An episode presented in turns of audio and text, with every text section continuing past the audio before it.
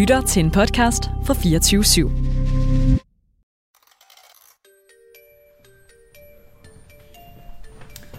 Og så er der jo så, kan man sige, forskellige former for anallegetøj, som, som er, kan man sige, decideret til, til mænd, altså som går efter øh, prostata og stimulerer heroppe, ikke? Det er sådan nogle som dem der. Tror du, det primært er homoseksuelle mænd, der bruger dem, eller er det også heteroseksuelle mænd? Nej, det er også heteroseksuelle mænd. Ja. Det er det. Der er, synes jeg, gennem årene kommet en langt større, kan man sige, åbenhed omkring, at, at det kan mænd altså godt gøre, uden de nødvendigvis homoseksuelle. Jeg, jeg synes, det er ret spændende at tænke på, fordi jeg oplever, at netop sådan noget øh, anallegetøj til mænd, at det, at det, jeg føler nemlig et sted, det er ret skamfuldt, og der synes jeg, det er ret spændende at tænke over, om vores indtryk er forskellige, fordi du får helt sikkert et indtryk før resten af ja. samfundet, om hvad der ligesom er blevet mere og mere normalt. Men, men en ting er, at du ved, hvad folk køber, men, men en anden ting er, hvad øh, mig og mine kammerater eller øh, snakker om sådan ja. privat. Og, altså, jeg, fordi der er jo helt sikkert mange flere, der har øh, sexlegetøj, øh, end, end hvad man går og snakker om. Ikke? Unges seksualitet bliver mere og mere flydende. Men hvor står heteroseksuelle mænd i det? I det her afsnit tager vi i sexshop på Istegade for at udfordre maskulinitetens snævre rammer. Du lytter til 600-tallet.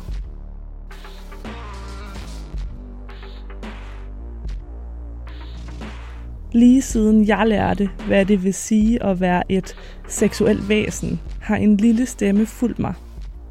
Den er her stadig, også lige nu. Jeg kalder den skammen. Du billig. Tag mere tøj på. Du ligner en Jeg har altid været god til at ignorere den, tale hen over den, men nu vil jeg prøve at forstå den. Gennem 10 afsnit undersøger jeg min generations forhold til sex og skam, og sammen med kulturhistoriker Mette Byrjel Thysen dykker jeg ned i seksualitetens kulturhistorie for at forstå, hvad der har formet os. Det her er historien om dit og mit begær. Afsnit 8. Seksualitet, der flyder.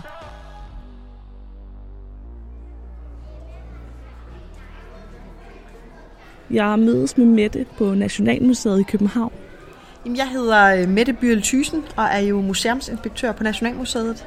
Og jeg har simpelthen specialiseret mig øh, i historiske perspektiver på køn, krop og seksualitet.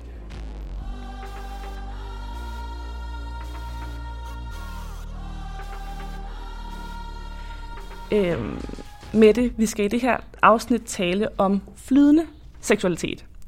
Og der tales ret meget om flydende seksualitet lige nu, og, og især sådan min generations seksualitet oplever jeg bliver beskrevet som værende mere flydende. Og, øhm, og jeg har længe tænkt sådan, om det må være en ret ny ting, noget der karakteriserer min generation. Men det har jeg så fundet ud af, at det er egentlig noget, det er ikke en, det er ikke en ny idé. Det er noget, der blev præsenteret for, for 70 år siden. Mm. Øhm, vil du lige prøve at forklare, hvornår, det ligesom, hvornår vi fik øjnene op for flydende seksualitet? Ja, man kan sige, der hvor det i hvert fald er sådan en skældsættende historisk øh, begivenhed, det er jo, da øh, Alfred Kinsey i USA udgiver øh, de her øh, undersøgelser i øh, slutningen af 40'erne ikke? Mm. Øh, og senere i start 50'erne. Og det er jo en, et kæmpe empirisk materiale, der bygger på amerikanernes seksualitet. Mm. Og bare det, man i midten af 1900-tallet sætter sig for at undersøge, hvordan er det egentlig, det står til med vores seksualitet, og i manges øjne stiller utrolig grænseoverskridende spørgsmål, mm. øhm, det, det er jo øh, ret nytænkende. Og øh, det, som også kommer til at chokere især USA, det er jo øh, nogle af de opdagelser, man gør, jo blandt andet det her med, at andelen af øh, folk, eller mænd, der har homoseksuelle erfaringer, er langt større, end det man egentlig havde mm. antaget. Mm. Øhm, så det, den her Kinsey-rapport går ind og gør, det er den jo i virkeligheden måske også sådan, øh, stiller spørgsmålstegn ved den her måske meget klassiske opfattelse af, at vi alle sammen er øh, heteroseksuelle. I hvert fald også, at rigtig mange af de mænd, også i USA, der var gift, jo altså også har gjort sig homoseksuelle mm. øh, erfaringer. Mm. Øhm, så det har jo virkelig været noget, der, der, der farvede, og i virkeligheden også var inde og påvirke lidt, jo for rigtig mange år siden, hvordan er det egentlig, vi egentlig tænker seksualitet. Ja, og, og noget af det, som jeg, som jeg kender til på forhånd, det er den her Kinsey-skala. Mm. Han præsenterede en skala, hvor det gik fra, vidt jeg har forstået, mm. øh, homoseksuel til heteroseksuel, og så kunne man lægge et sted på den der skala. Ja, så i virkeligheden også at sige, at han definerer ikke nødvendigvis folk, du ved, udelukkende som det ene eller udelukkende det andet. Du kan godt havne i de ydre spektre på skalaen, mm. men en del af mændene jo altså faktisk slå mere inde midt på skalaen, eller lidt til højre, eller lidt til venstre. Ja. Øhm, så man ligesom også kigger på, hvor er det, at folks øhm, øh, seksuelle erfaring også ligger henne. Altså, hvor mange øh, kvindelige partnere de har haft, hvor mange mandlige partnere har de haft, og så placerer man dem simpelthen på skalaen efter det. Ja. Og det er jo ret nytænkende i forhold til, at vi jo er i midten af 1900-tallet. Ikke? Det er det. Og, og hvordan, tog, hvordan tog verden imod den her undersøgelse? Jamen, folk gik jo helt amok. Mm. Altså, øh, øh, den, den gik jo ind på rigtig mange måder og øh, dealede med noget, der var dybt tabuiseret. Mm. Øhm, og man skal også tænke på igen, i midten af 1900-tallet, homoseksualitet var jo stadigvæk kriminelt. Ja. Øhm, så i virkeligheden gik den jo også ind og øh, løftede dynerne hos folk, hvor man egentlig ikke rigtig havde lyst til, at der skulle løftes dyner. Mm. Øh, især måske også fra kirkens side, fra, fra statens side, fordi det jo er rigtig mange blev anset som værende forkasteligt. Og det der med på en eller anden måde, at det som Kinsey Report øh, gjorde, var jo også med til at forsøge at normalisere øh, begrebet for eksempel om homoseksualitet. Det var man ikke klar til på det her tidspunkt. Slet ikke i øh, datidens USA.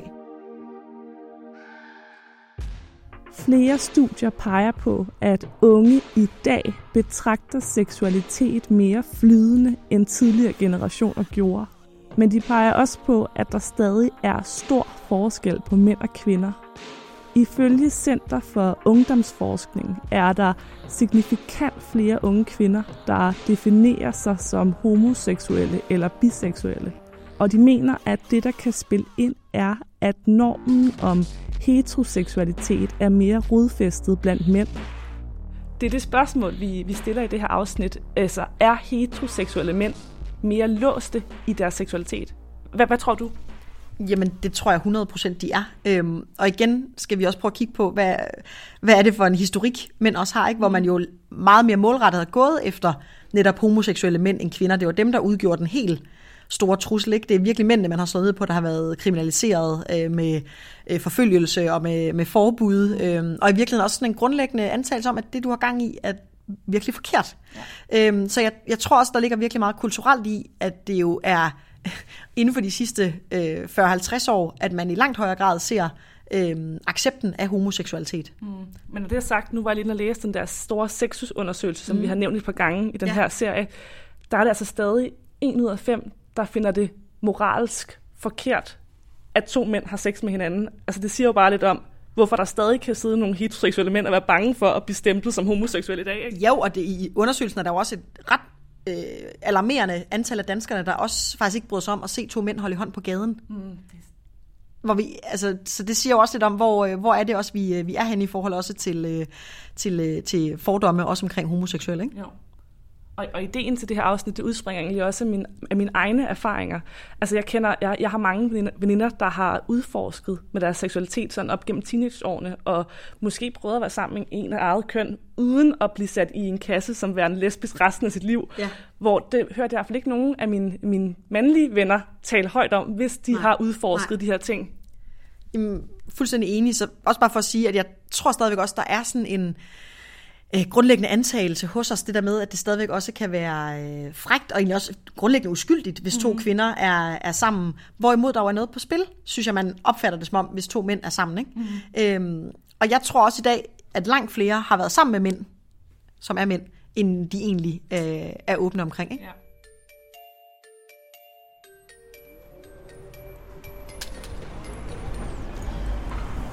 Så er jeg øh, kommet frem til Istegade, jeg står ude foran øh, den sexshop, vi skal ind og besøge. Jeg står lige og får sådan et lille smugkig på de ting, der er udstillet i vinduet.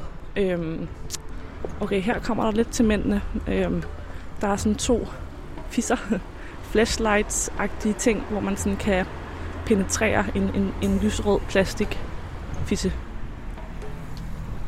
Hej med det. Lige og tjekker udvalget. Ja, jeg har stået og kigget på det.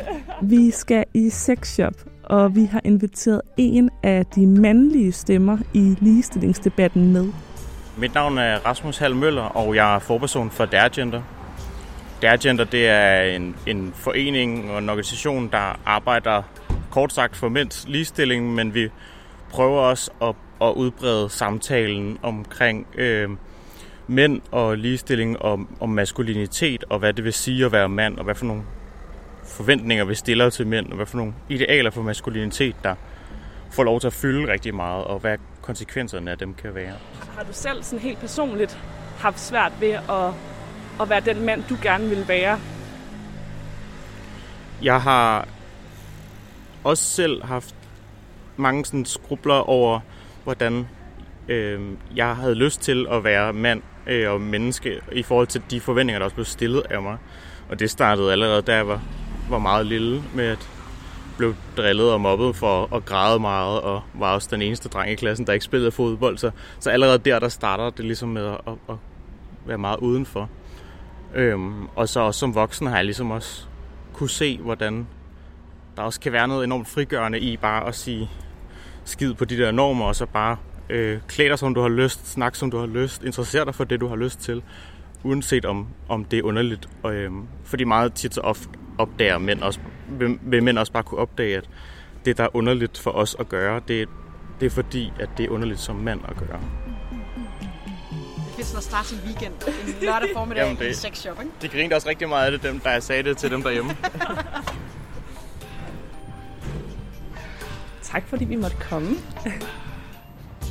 Og så, så lad os gå den her vej rundt, hvis det endelig er, fordi så vi jo, kan man sige, kommer vi måske ned i noget af det, der på den ene side er voldsomt klassisk, fordi det er jo sådan noget som pocket pussier og øh, større eller mindre dele af, af dukken, øh, som vi har heroppe.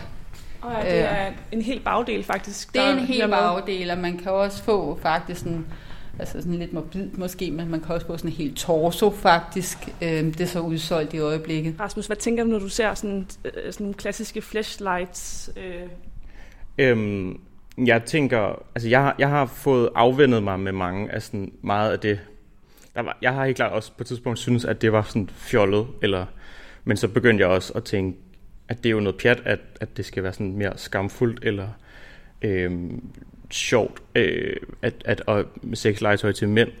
Men noget det, jeg har, har tænkt over for nyligt, er, at jeg synes, at det er skørt, hvordan de har den der grisefarvede, eller ja. kaukasisk hudfarvet, eller sådan, det synes jeg på en eller anden måde er sådan lidt, det, det, det tiltaler ikke mig personligt i hvert fald, fordi det synes jeg, at det skal det ligne noget, som det meget tydeligt ikke er. Men man kan sige, specielt hvis du tager altså, øh, branded flashlight, ja. så må man bare kende, at de gange, hvor de prøver det, hernede har vi for eksempel sådan en, der sådan er, er øh, blå, og her der har vi en, der er transparent, som har en helt anden form, kan man sige, udefra, øh, men jo samtidig struktur. De sælger ikke nær så godt, som dem, der ligner. Altså i min, i min venindegruppe, altså jeg kender faktisk ikke en, der ikke har ejet en vibrator eller en dildo på et tidspunkt i sit liv.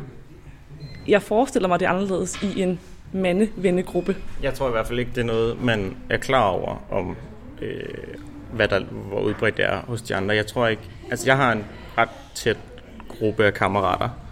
Øh, vi snakker om det meste, men det er ikke noget, vi har været inde på endnu. Øh, vi snakker også om vores sexliv, og, øh, men jeg mindes ikke, at, at vi har snakket om sexlegetøj.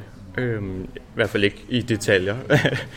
øh, men, og jeg tror, det er et sårbart emne for rigtig mange. Du må sige til, hvis det er på privat, men kunne du finde på at bruge sexlegetøj? Jeg, jeg, har- jeg har, jeg har øh, en, en samling. Øh, ja. Det har jeg. Øh, både til, som jeg bruger sammen med min kæreste, øh, og, og også til mig selv. Øh, men det er ikke noget, jeg snakker med så mange altså om. Øh, men heller ikke noget, jeg vil, tror, jeg vil synes var pinligt at snakke med mine gode kammerater om. Øh, og heller ikke noget, jeg synes er så pinligt, at jeg ikke vil snakke om det her. Hvad tror du, det handler om? Hvorfor er der den her forskel? Hvorfor er det ikke noget, som du har talt med dine venner om? Jeg tror, noget af det, det handler om, er, at der er noget kvindeligt sexlegetøj, tror jeg er meget forbundet til altså, frigørelse og øh, at, tage, sådan at tage kontrol over en seksualitet. Altså, og der, er noget, der er noget empowerment over det. Hvor at, at det at have sexlegetøj som mand, det på en eller anden måde kan være, det kan blive sådan en, Nå, så er det nok, fordi du er ensom og trist, var, øh, og du ikke kunne få dig en kvinde at have sex med, en rigtig et, et menneske at have sex med. Ikke? Øhm, og og det, det, det tror jeg, så jeg tror en del af det binder ind i den her maskulinitetsideal om, altså sådan, sådan seksuel erobring, og jeg, jeg vil påstå, at rigtig meget af, af vores maskulinitet er hængt op på simpelthen vores evne til at, at, at, at finde kvinder og have sex med, hvilket jeg synes er rigtig problematisk. Og, det ender, og jeg tror blandt andet, det har den konsekvens, at vi udskammer mænd, der, der også har lyst til at have det sjovt med legetøj, altså, og også alene. Noget af det, Louise og jeg vi sådan har talt om, det er måske også det der med, at forskellene på kønnene i forhold til, sådan, vi kan egentlig godt øh, tale med vores veninder om, at de måske har prøvet sig selv af seksuelt med en kvinde. Hvorimod jeg har aldrig nogensinde talt med nogen af mine mandlige venner om, om de egentlig har en øh, fortid, hvor de egentlig har prøvet øh, det samme køn. Er det noget, du oplever også som sådan tabuiseret, eller er det noget, du godt kan tale med dine venner om? Jeg, jeg, jeg deler fuldstændig den opfattelse. Øhm, jeg har også tænkt meget over det sådan, øh, i forhold til, for jeg har tænkt meget over, hvorfor har jeg det selv, hvorfor har jeg det selv så svært med for eksempel at prøve, nu har jeg godt nok et rimelig monogamt forhold med min kæreste, men, men hvorfor vil jeg have det stramt over at skulle øh, prøve det af med en mand? Men jeg tror, at der, der ligger noget, så bliver man pludselig stemplet som øh, homo. Øh, man bliver ikke engang stemplet som biseksuelt, føler jeg, men, men så, er man, så er man ligesom øh, bøsse, ikke? Og, det, og det er jo bare stadig noget, vi bare konstant defineres som værende lavere rang i, sådan, i forhold til maskulinitet. Ikke? Så, så det bliver ligesom til mere forkert maskulinitet, eller sådan, så træder man ligesom ind i den liga, eller sådan, det bliver ligesom et andet spor, ikke? hvor at, at, og det får bare lov at definere en. Øhm, og det tror jeg også binder ind i den der diskussion omkring anallegetøj til mænd, fordi det er jo bare, det bliver også bare koblet til det at være homoseksuel, hvilket jo også bare er vildt ærgerligt. Så det synes jeg er fedt at høre, at du siger, at, at det er mere almindeligt. Det er det, og det er det- ikke mit indtryk. Nej, men det, altså, det, det er i hvert fald mere almindeligt, end du forestiller dig, kan jeg høre. Ikke? Og vi har også, kan man sige, mange heteroseksuelle par, som kommer ind og køber sådan noget sammen, også målrettet manden. Har du egentlig taget højde for, at vi bliver fuldere og fuldere, når vi optager Ja, og det bliver bedre og bedre, Okay, tror jeg. det er godt. Okay, Ja. okay. De fleste af emnerne til den her podcast-serie er inspireret af samtaler, jeg har med mine tre veninder, Sabina, Nana og Rie. Skål for sex. Og lige præcis det her afsnit var faktisk et, som Nana foreslog. Jeg har vel tænkt meget over det. Ja. Ja. Altså det der med, at sådan... Ja, at hvis jeg sagde til jer, øhm, jeg er forelsket i en fyr, som er biseksuel, så tror jeg, der vil komme en stemning af, ej, jeg tror, han er homoseksuel. Mm. Altså, jeg tror, han er mere til mænd, end han er til piger. Du skal nok passe lidt på, eller... Øhm, ah, er du nu sikker på det? Har han haft sex med en mand, så er han nok til mænd. Det har i hvert fald tydeligt gjort det for mig, at der er jo et ideal, og det er det mandlige ideal. Så når kvinder er sex med kvinder, så gør de ligesom mændene, så er det sådan lidt cool, og sådan lidt, øh, sådan lidt, så er man lidt kanter, man er sådan lidt fejker. Men når mænd nedgraderer sig ved at søge mod det kvindelige ideal, så er det ikke nice. Altså så er det sådan no-go.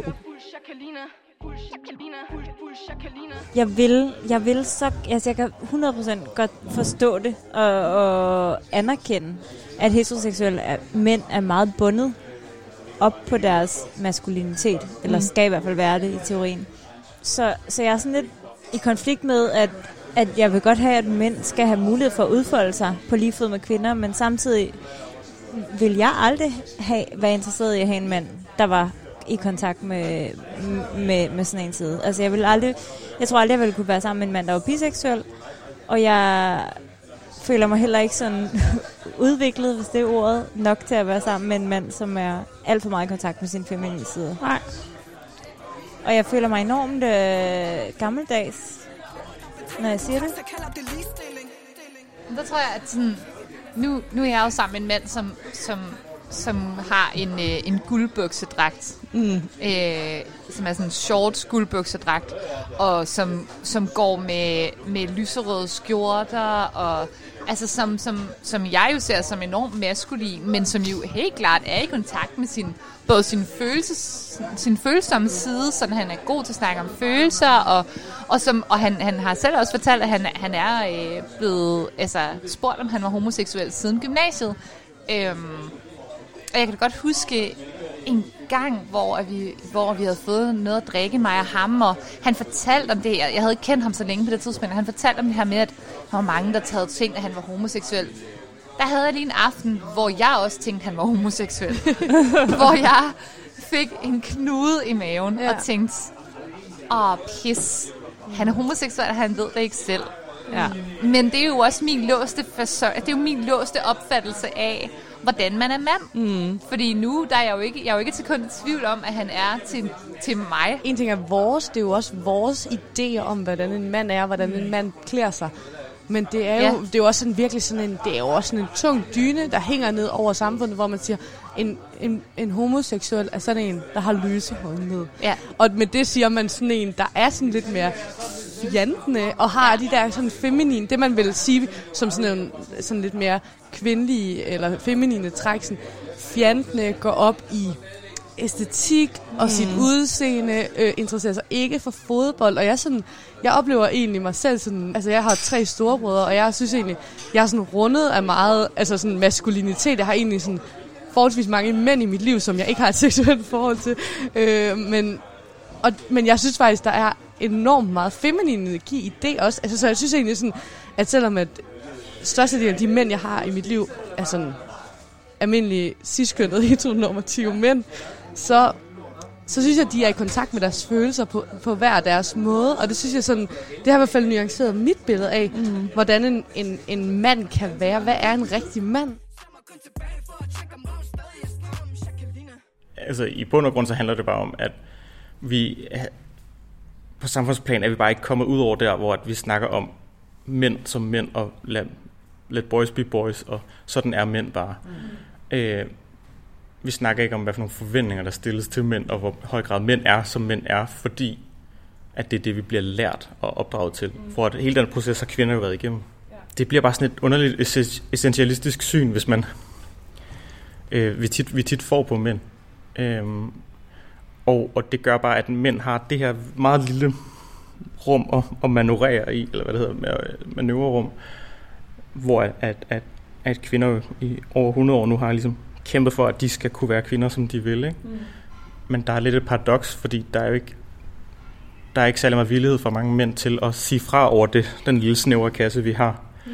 Og vi ser på det, og vi tror, det er enkelt sager. Hver gang der er en, der falder udenfor, udenfor og ender i sådan nogle triste statistikker om mænd, så, ser, så tænker vi ikke over, at det har noget med køn at gøre at det har noget med nogle forventninger til det at være mand, som han ikke har kunne leve op til. At han endte på gaden, eller stofmisbrug, eller alle mulige de der statistikker, hvor mænd bare dominerer sygt meget. Øhm, og, der, og det er sådan lidt et paradoks, fordi det er ikke særlig maskulint at kritisere det og sige, hov, hey, øh, der er noget, vi skal gøre bedre her. Vi skal øh, tænke over, hvad det er for nogle forventninger, vi stiller til hinanden. Øh, vi skal kunne snakke om de svære ting og alt det der. Det er sådan lidt maskulinitets, maskulinitetens paradoks på en eller anden måde. Begrebet toksisk eller giftig maskulinitet er et, der de senere år er kommet frem. I MeToo-debatten bruges det blandt andet til at forklare sexistiske mænds opførsel. Og det er altså især de traditionelle maskuline værdier, der er i søgelyset. Rasmus, kan du forstå, hvis nogen føler, at øh, vi med den debat, som vi tre også har lige nu, øh, er med til at at sygeliggøre eller at demonisere øh, det traditionelt maskuline. Der er helt klart mange, som tror, at mange mænd oplever, at nu må man ikke være mand længere, eller nu må man ikke tage den maskulinitet på sig, som man gerne vil, altså den traditionelle eller den klassiske maskulinitet. Og det er jo ikke, fordi der er noget nødvendigvis i vejen med det. Altså, øhm, men der er et problem med, når det bliver den eneste måde, man som mand må være mand på. Øhm, og, og og det er der, hvor vi skal blive bedre til at lægge mærke til, hvordan vi hele tiden notcher og skubber hinanden øh, til ind i den norm, og hvordan vi prikker til hinanden og, og, og sanktionerer hinanden, når, når man falder udenfor. Fordi det ser man over det hele, hvis man kigger efter. Blandt andet med sådan noget sexlegetøj. Øhm, men det er rigtigt, det lyder på mange mænd hurtigt som om, at man er et problem øh, i den måde, vi snakker om mænd på i ligestillingsdebatten. Og der er også mange problemer. Øh, også fra, fra, fra sådan den mere, øh, i går så en woke-fløj, eller sådan, øh, netop fordi, at øh, så at sige, almindelige majoritetsmænd ikke har været repræsenteret, så har det jo ikke noget, man har reflekteret over, at man skal snakke ordentligt til og om, øh, om de mænd. Øh, og øh, så man skal ikke tro, at man ikke må være mand, som man er, men det handler bare om, at man skal lade alle andre mænd være mænd, som de har lyst til. Øh, fuldstændig ligesom vi har, har været vant til at gøre med kvinder i 100 år, eller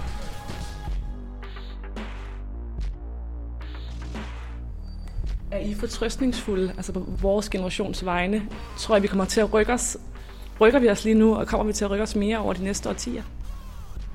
Jeg tror, at vi lever i en tid, hvor som jo bare er kendetegnet ved, at vi at det er blevet meget almindeligt at sætte spørgsmålstegn med normen og det, vi tager for selvfølgeligheder. Så det er bare... Jeg, så jeg tror, at, at alt kommer op til evaluering øh, i den kontekst, men, men jeg tror ikke, at det kommer til at gå så stærkt, før vi får nogle ord for det.